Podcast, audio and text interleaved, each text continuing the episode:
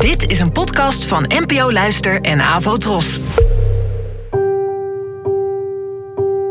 Poëzie vandaag. Met Ellen Dekwits.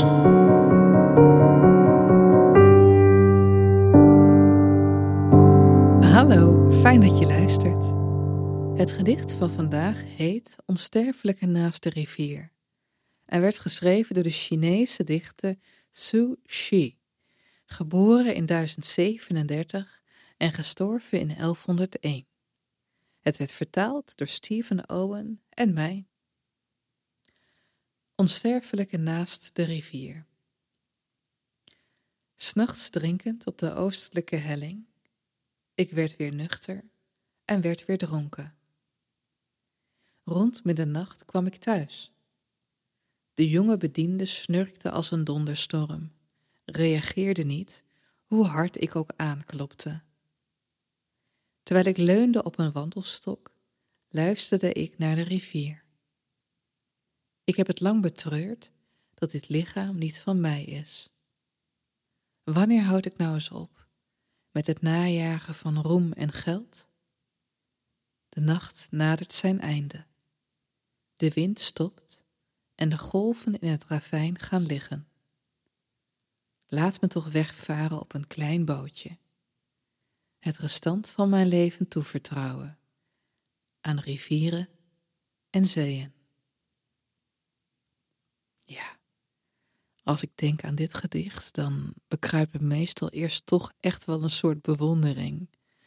Want ook al is het duizend jaar oud, er worden gedachten in beschreven die we tegenwoordig nog steeds kunnen herkennen.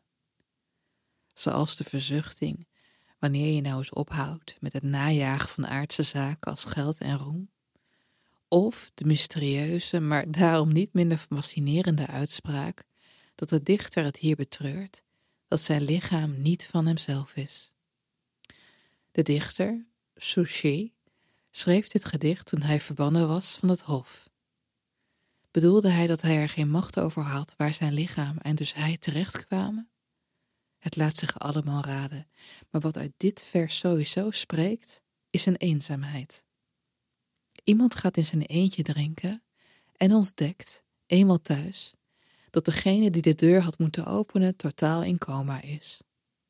Wat rest is het uitzitten van de nacht en de wens dat je van dit alles kan vertrekken op een bootje richting het ruime Solk. Iets wat velen in deze vreemde, hectische tijden misschien ook wel herkennen. Dus zoveel verandert er nou ook weer niet in duizend jaar. Wat van gedichten als deze een klein bewijs maakt dat wat voor wendingen de geschiedenis ook neemt, de mens toch uiteindelijk altijd weer de mens blijft. Bedankt voor het luisteren en tot de volgende keer. Abonneer je op deze podcast via de gratis app van NPO Luister. Daar vind je ook een handig overzicht van het complete podcastaanbod van de NPO. Afro Tros, de omroep voor ons.